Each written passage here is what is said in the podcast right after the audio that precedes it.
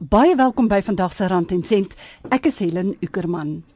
Wat is jou werkgewer aan jou verskuldig behalwe betaling vir die werk wat jy lewer? Wat sê die arbeidswet? Hoe gemaak as jy nie billik behandel word nie? Ons ateljeegas vandag is Andre Venter, woordvoerder van die vakbond UASA of dan die United Association of South Africa. Baie welkom by ons Andre. Baie dankie vir die geleentheid Helen. Uh, is 'n voorreg om hier saam met jou te kuier en goeiedag ook aan al die luisteraars. Vandag se program is grootliks gegrond op 'n navraag van 'n luisteraar wat probleme ondervind met haar werkgewer, 'n organisasie sonder winsbejag.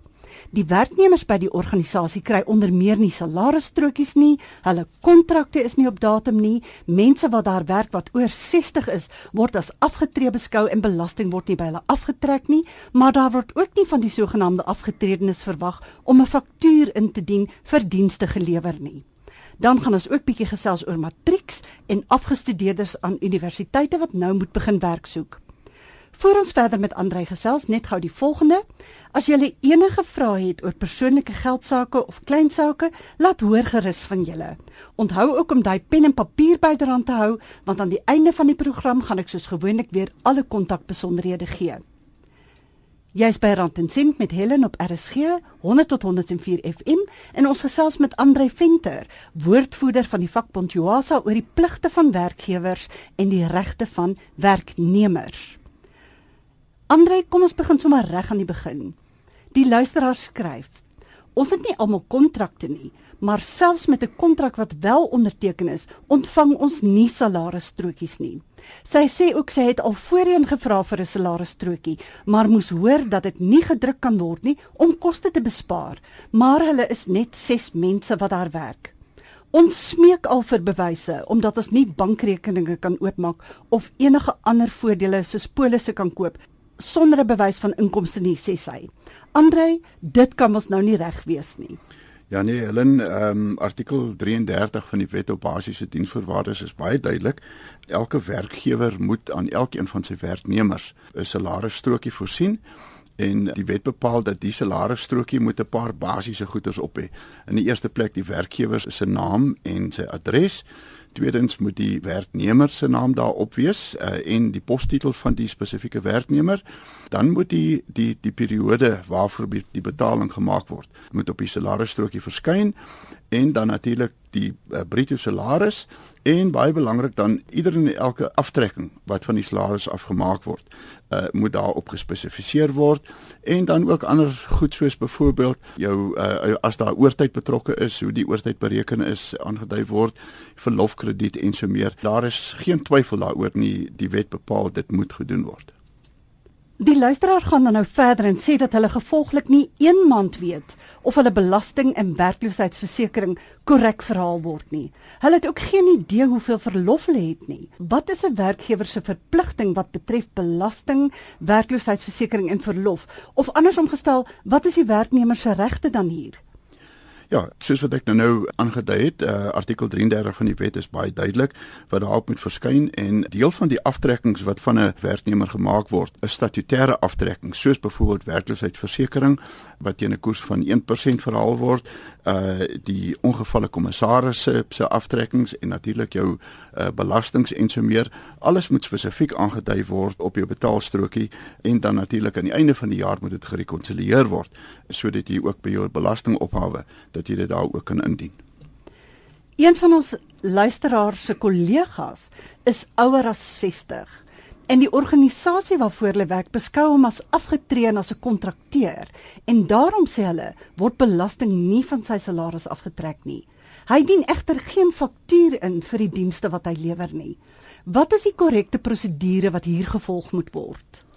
Ja, um, in die geval van 'n onafhanklike kontrakteur, uh, dit dit gebeur baie as 'n persoon 'n sekere ouderdomsperk bereik, word dit beskou dat hy dan nou op pensioen gaan of dit kan in die beleid van die maatskappy of van die werkgewer kan daar 'n bepaalde ouderdomsperk wees. En as die werkgewer dan die persoon langer wil aanhou, dan sal hy nou of 'n korttermyn kontrak of dan om as 'n kontrakteur beskou. Dit wil lyk asof dit in hierdie geval asof die persoon as 'n kontrakteur beskou word en die onus vir die betaling van belasting verskuif dan na die kontrakteur toe. So as daar enige onsekerheid oor dit is, dan moet daardie spesifieke persoon dit nou maar net met die werkgewer gaan opneem en net klaarheid kry daaroor. Maar dan moet dan natuurlik seker 'n kontrak wees iewers, dan moet seker iewers in die indiensneming kontrak sê wat is jou aftree ouderdom bepaal. Ehm um, normaalweg as 'n mens diens aanvaar, um, dan is daar 'n dienskontrak en dit dit bevat dan alles. Dit wat in die wet op basiese diensvoorwaardes staan, wat jou diensure is, wat jou besoldiging gaan wees, wat jou verlof gaan wees, wat siekverlof gaan wees en so meer. En dan ook normaalweg sal dit dan ook daarin vervat word wat die aftree ouderdom is. As dit nie daarin vervat word nie, dan sal daar heel waarskynlik uh, maatskappy beleid wees, 'n beleidsdokument wat dan sê wat op watter stadium 'n mens dan uh, gaan aftree. Maar Andre ons luisteraar sê nou party van hulle het nie eers kontrakte nie wat behoorlik onderteken is, weet wat behoorlik met hulle aangegaan is nie. Wat kan hulle daaraan doen? Dit is 'n snaakse ding, Ellen, weet jy, want 'n uh, eh, indiensnemingskontrak hoef nie altyd op skrif te wees nie. Dit kan ook mondelings wees. As jy byvoorbeeld by jou huis se tuinier in diens neem, daar ontstaan 'n dienskontrak tussen jou en hom, uh, al is dit mondelings. En dan selfs in daardie geval sal die beginsels van die uh, wet op basiese diensvoorwaardes steeds van krag wees. Jy gaan nog steeds verplig wees om om al hierdie dinge te doen, soos 'n betaalstrokie en uh die verlof en so meer. Gaan jy nog steeds verplig wees uh, om te betaal selfs om werkloosheidsversekering oor te betaal, ehm uh, belastings en so meer as dit betrokke is. So as dit nie daar is nie, dan uh, sou mens voorstel dat hulle maar by die naaste kantoor van die departement van arbeid gaan aanklop en dit net aanmeld en ehm uh, dat hulle inspekteur uitstuur ehm um, net om uh, die dinge net dan reg te trek.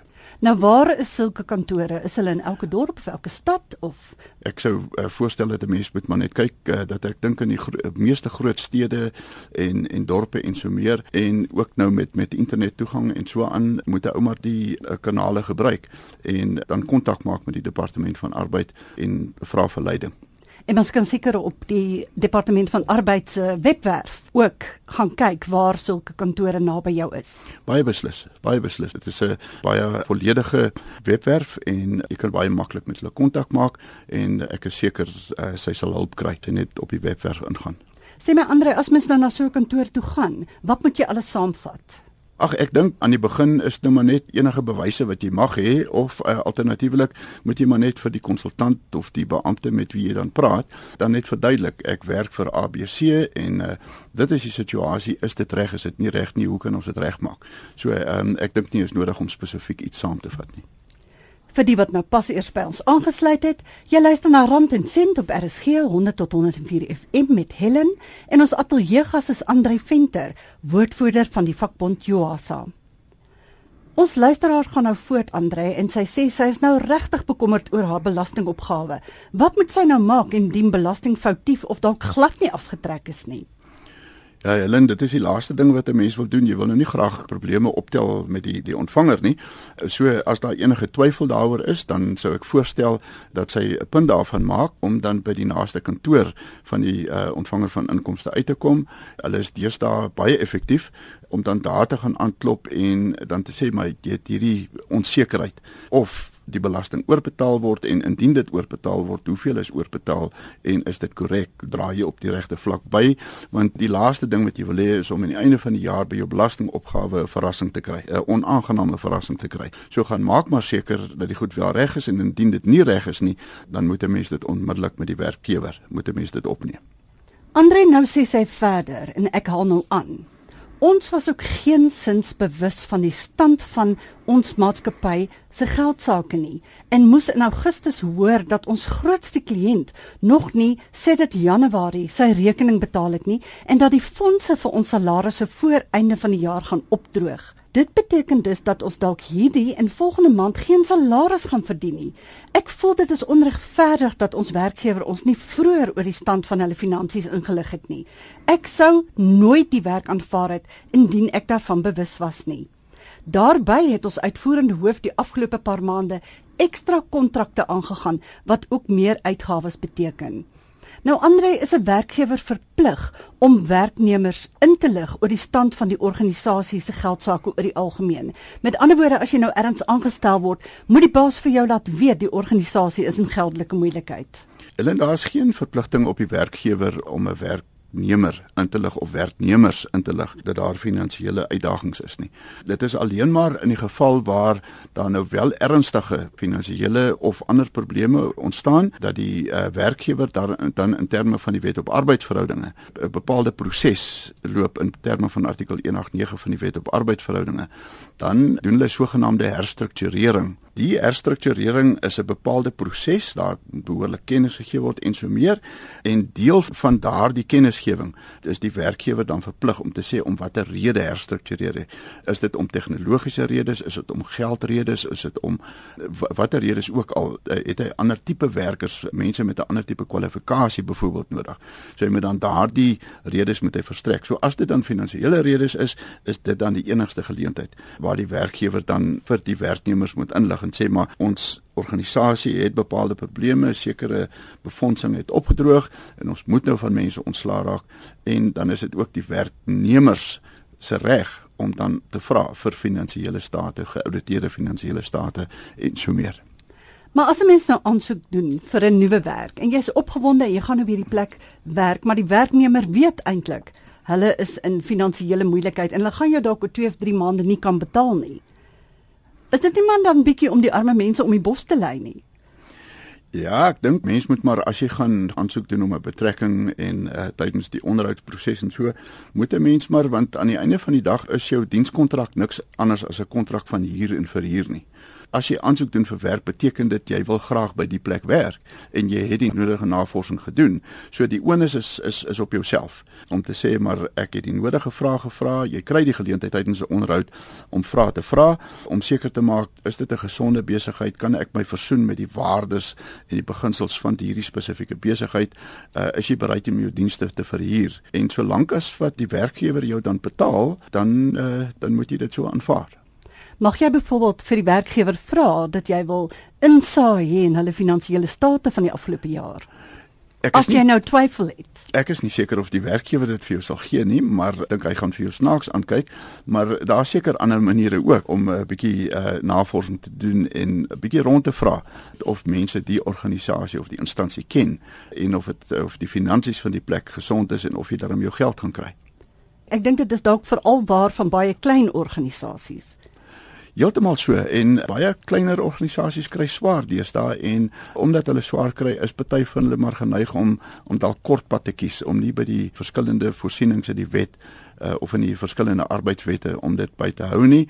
Hulle vat maar kortpad maar aan die einde van die dag dan verloor iemand in die proses. So 'n mens moet maar seker maak van jou kant af dat jou kant skoon is en dat jy wanneer jy dan diens aanvaar dat alles in plek is en dat jy dan elke maand jou salaris gaan ontvang. So jy moet jouself goed inlig, jou huiswerk doen sover as wat jy kan. Korrek, ja. Die punt is nou dat die werkgewer oortree duidelik die wet en hierdie luisteraars en haar kollegas het 'n rede om te kla. Ja, dit kan sou wees, maar ek sou voorstel dat die betrokke luisteraars dat hulle net eers gaan seker maak van die feite. Jy weet, baie keer is dit mos 'n snaakse storie dat baie keer is ook maar kantoorpraatjies wat die rondte doen wat vertel ons is in finansiële moeilikheid en so meer. Maak maar seker van die feite en dan as daar wel probleme is, neem dit maar by die werkgewer op en as jy sien hier kom probleme dan moet jy maar betyds probeer die nodige stappe neem. Dit ontneem jou nie van die reg om as daar aan die einde van die dag uh, probleme is en die werkgewer kan nie meer betaal nie, dan kan jy nog altyd weer teruggaan na die departement van arbeid toe en jy kan sê maar luister, ek het vir hierdie instansie gewerk. Dit is hoe lank ek daar gewerk het. Dit is die geld wat ek verdien het. Ek kry nou nie meer betaling nie. Help my asseblief. En dan sal die departement ook vir jou tot hulp wees en met die werkgewer gaan praat en probeer om die ding te beredder. So wat jy sê is eers te gaan na jou baas toe, vra 'n paar reguit vrae, kry die antwoorde wat jy wil hê en as jy nie die antwoorde kry op jou vrae nie, dan gaan jy na die departement van arbeid toe en jy kan dan gaan kla. Natuurlik, want 'n mens wil tog nie 'n dag na dag by by 'n organisasie of by 'n instansie of by 'n werkgewer gaan werk en jy loop met hierdie onsekerheid uh, binne in jou of ek aan die einde van die maand my salaris gaan kry nie.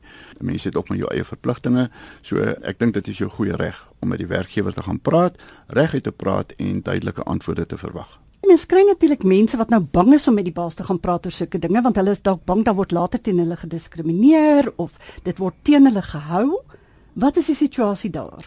Ek dink en wat jy vra Helen, dis so 'n waardevolle vraag want uh, soos hulle in die koningin se taal sou sê, jy weet 'n mens moet ook nou nie soos 'n boel in 'n china shop nou hierdie ding aanpak nie. Ek dink 'n ou moet nog steeds al is jy onseker met die nodige respek moet jy gaan en jy met die nodige vrae vra met 'n tipe van houding wat nou nie konflik gaan aanwakker en laat laat dit die verhouding gaan versuur nie. Fokus op dit wat jy wil weet. Vra die vrae, kry die antwoorde, maar moenie emosies betrokke maak by dit nie, want indien dit nie sou waar wees nie, Indien dit nie sou waar wees nie en jy die vraag op die verkeerde manier gevra en jy die werkgewer se hare omgekrap, dan mag dit dalk net so wees, hy mag dalk 'n tipe persoon wees wat dit nie kan hanteer nie en dan is daar 'n verkeerde merkie agter jou naam gemaak wat dan jou hele diensverhouding gaan versuur en uh, wat dit 'n hele onaangename situasie gaan ontketen. Sien nou maar jy beland in 'n situasie waar jou baas al het jy dit reg aangepak, aanstoot neem en hy hou dit teen jou op persoonlike vlak. Wat is jou verweer?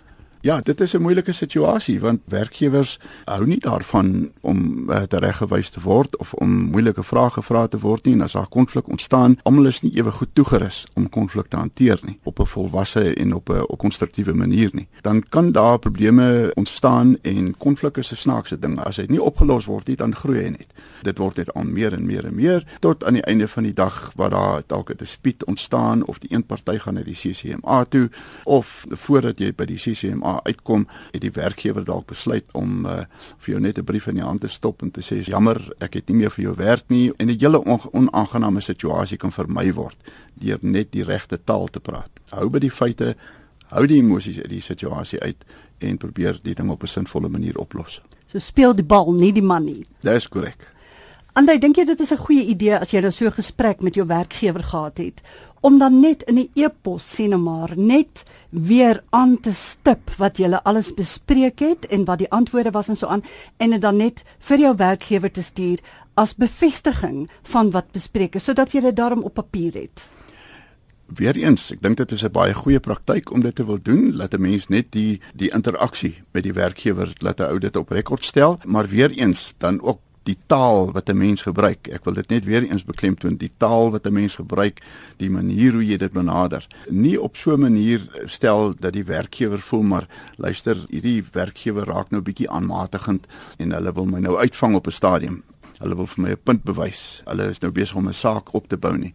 Maar met groot wysheid moet die ding aanpak. Kyk hoe jou taal gebruik is. Kyk hoe jy die situasie op rekord stel sodat jy nie aanstoot gee nie want belangrik is dat die diensverhouding altyd gesond bly en dat dit so gehandhaaf word. So wat jy eintlik sê is bly kalm, bly professioneel en moenie jou werkgewer laat voel asof jy hom in 'n hoek druk nie.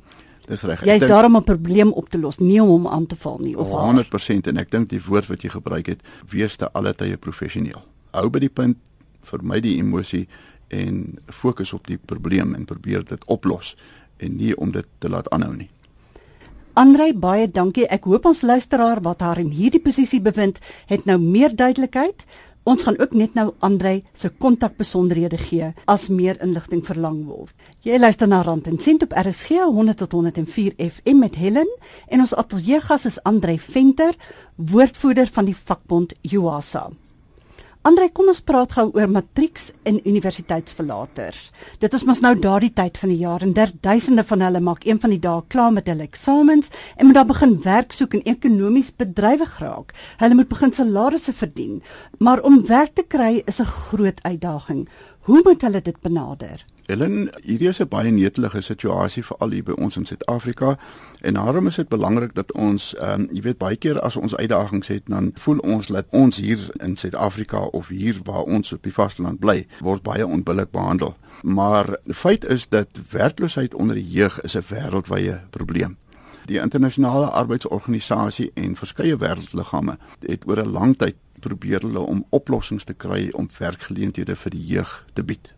En van die strategieë wat ontwikkel is wêreldwyd is geïmplementeer, goeie vorderings gemaak en toe kom die resessie van 2008 wat almal vir ons wêreldwyd net hier by ons in Suid-Afrika alleen was daar in 2008 so 1 miljoen werkgeleenthede vernietig. So wat basies gebeur het in 2008, alle winste wat daar gemaak is ten opsigte van werkverskaffing in die jeug, as ons dit winste kan noem, al die vordering wat gemaak is, is eensklaps uitgewis.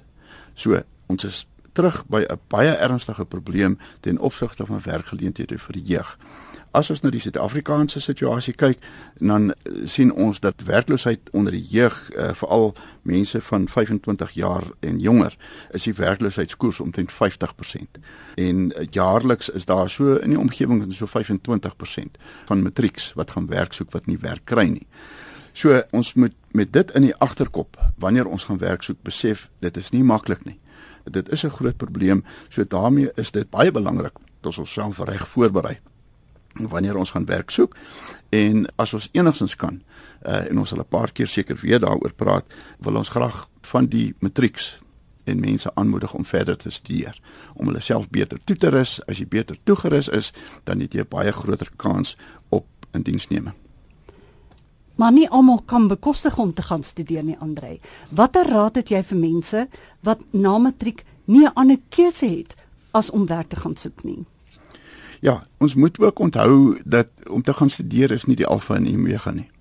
Almal van ons kan dit nie gaan bekostig nie soos jy sê en ander van ons is net op 'n ander manier toegerus en het ons ander gawes en kwaliteite. Ander van ons behoort eerder dalk by 'n tegniese kollege byvoorbeeld. Kan jy uh, rekenaarstudies gaan doen of jy kan 'n ambag gaan loop en so meer. En dit is juis in daardie kategorieë soos byvoorbeeld loodgieters, motorwerktuigkundiges, ambagsmanne. Dit is wat die ekonomie nodig het. Ons het 'n min sulke mense. So daar's guldige geleenthede vir mense en dit is juis op daardie gebied as jy jouself kan toerus byvoorbeeld as 'n loodgieter of as 'n elektriesien of as 'n motorwerktuigkundige het jy baie groter kans om as jy die kwalifikasie het en jy het per toeval ook entrepreneursvaardighede dat jy dan 'n eie besigheid kan begin want jy het die kennis jy het die ervaring en jy kan jou eie besigheid gaan begin en dan kan jy ook weer ander mense in diens neem. So as jy nie kan gaan studeer nie, jy het nie geld nie, is dit nie die einde van die wêreld nie. Daar is ook ander geleenthede. Om die waarheid te sê, ek dink die gemiddelde ouderdom van ambagsmanne in Suid-Afrika is in die middel of laat 50s. So dit is eintlik 'n spesies wat besig is om uit te sterf. So daar is groot geleenthede daar en ek weet nie wat dink jy nie Andre, maar mens moet jou nie blind staar teen 'n universiteitsgraad nie. Deesdae wil almal net universiteit toe en hulle dink skynbaar dat ander werksrigtinge is nie goed genoeg nie. Ja, dit is 'n ewel van ons tyd in Suid-Afrika en met ons geskiedenis is 'n bydraende faktor ook behalwe dat ons sien dat jong mense staan toue om by universiteite in te kom. Baie van hulle raak gefrustreerd en teleurgesteld as hulle nie plek kry in die universiteit nie, maar by tegniese colleges en so meer is daar geleenthede om daardie opleiding te kry. Die ander probleem wat ons het is ook dat vriende en familie en ouers baie keer 'n rol speel om die kind negatief te beïnvloed om vir hom te sê ag my kind ons weet dit is moeilik. Jy gaan nie werk kry nie. Ons weet daar's goed soos regstellende aksie en dis meer. Ons moet eerder probeer om die kind te pak sy verstand te pak met positiewe opbouende goed en sê maar daar is geleenthede gaan soek dit net kry jou voet in die deur. Begin net iewers begin ondervinding opdoen. Nou as jy nou sê begin net iewers begin ondervinding opdoen. Hoe moet ek my werk soek benader? Ellen as ons gaan werk soek dan moet ons onthou dat ons hele werklewe gaan daar drie goed wees wat altyd gemeet gaan word. Jou kennis, jou vaardighede en jou houding. As ons dit van die begin af weet en die ander ding wat daarmee saamloop, ons moet die aard van die dienskontrak moet ons verstaan. 'n Dienskontrak is niks anders as 'n kontrak van huur en verhuur nie. Met ander woorde, jy verhuur jou dienste aan die werkgewer. Jy verhuur jou dienste aan die werkgewer en hy betaal jou daarvoor moet die ander gedeelte die ander kant van die saak ook verstaan. Die werkgewer huur jou, hy gebruik jou dienste en hy betaal jou daarvoor. Maar daar is 'n ekstra. Die werkgewer betaal ook wat gedoen moet word, hoe dit gedoen moet word en wanneer dit gedoen moet word. Ons verloor so baie uit die oog uit daardie gedeelte en ons hoor daagliks van daardie tipe probleme by die by die vakbond waar mense bel en dan het hulle 'n gewellige probleem, gewellige konflik wat broei oor 'n lang tyd net omdat die werknemer vergeet het waar hy inpas in die situasie want hy's voortdurend in 'n oorlog betrokke met of 'n toesighouer of met 'n werkgewer met 'n baas van een of ander aard. En dit is so onnodig as hy net weer teruggaan na die basiese beginsels toe om te sê maar ek werk by 'n plek ek kry betaling maar dit is die werkgewer se plek hierdie. En hy bepaal wat gedoen moet word en hoe dit en wanneer dit gedoen word. As ons dit besef dan is die saak al halfpad gewonne en dan sal ons dan wanneer ons dan gaan aansoek doen vir werk of as ons ons CV inhandig of ons gaan vir 'n onderhoud, dan sal ons met respek en regte klere dra en so meer sal ons dan gaan. En as ons besef wat die groter prentjie is dat daar groot werkloosheid is en dat werkgeleenthede nie baie beskikbaar is nie, dan sal ons probeer om eers ons voet in die deur te kry, dalk 'n minderwaardige betrekking te aanvaar of wat met mens of wat 'n mens beskou as minderwaardig want ek ja. dink nie daar is 'n minderwaardige betrekking nie. Presies, maar in die kop van baie van ons beskou ons baie betrekkings as minderwaardig. Ek het jare gelede het ek die voorreg gehad om 'n program in in Italië te gaan bywoon. Het ek jong meisies gesien wat straat gevee het en hulle het dit met trots gedoen en vir hulle was dit glad nie 'n minderwaardige betrekking gewees nie. Ek sê nie ons mense moet kom straatvee nie, maar ek noem dit as 'n voorbeeld. Probeer jou voet in die deur kry, begin iewers al is dit vir min geld, maar deur dit te doen, begin jy ondervinding opbou en jy ontmoet ander mense en ander deure gaan oop, ander betrekkings, ander geleenthede gaan vir jou oop. Is dit 'n mens se reg om 'n werk te hê? Ellen allermins die wêreld skuld jou niks en niemand is verplig om vir jou werk te gee nie dit hang van jouself af as jy met die nodige nederigheid en met respek gaan en vir die regte redes gaan om 'n werk te soek en jouself onmisbaar maak en jy wil regtig 'n verskil maak aan die werkgewer se besigheid dan begin jy so dalk stadig aan begin jy reg tot die werk ontwikkel. Maar nog steeds uh, niemand skuld jou niks. Jy het nie reg op daai werk nie so jy moet maar altyd jou bes te probeer. Andre waar kan mense jou in die hande kry as hulle dalk meer wil uitvind Ek dink die maklikste gaan wees om miskien 'n e-pos te stuur aan Andre en deur e sonder die streepietjie op die e .venter by Juasa dit is u a s a.org.za Ek gaan gou Andre se kontakbesonderhede herhaal vir die wat nou nie vinnig genoeg kon skryf nie. Sy e-posadres andre.venter@uasa.org.za en dan kan jy natuurlik ook Uasa se webwerf besoek by www.uasa.co.za. Andre het ook vir my gesê Uasa het handleidings vir skoolverlaters en vir mense wat hulle werk verloor het die eerste 50 e-posse wat hy ontvang sal so 'n boekie in die pos ontvang. So stuur gerus vir hom daai e-pos andre.venter@uasa.org.za en natuurlik sluit julle naam, volledige posadres in sodat die vakbond dit vir julle kan aanstuur. Baie dankie Andre Venter, woordvoerder van die vakbond Uasa hier in Johannesburg. Ellen, baie dankie en baie sterkte aan die werksoekers gaan maak 'n verskil. Tyd vir my kontakbesonderhede. Ek hoop daardie pen en papier is nog in plek. Jy kan my volg en vra stel op Twitter by @HelenUckerman of op Facebook by Rand en Sent Helen Uckerman en ek kry vir julle 'n kenner om daardie vrae te beantwoord op 'n volgende program. Jy kan ook e-pos stuur na helen.ueck@gmail.com En onthou dat jy hierdie program in MP3 formaat kan aflaai van RSG se webwerf rsg.co.za. Daar sê, dis Helen wat groet. Stuur gerus daardie vrae en geniet die week wat voorlê.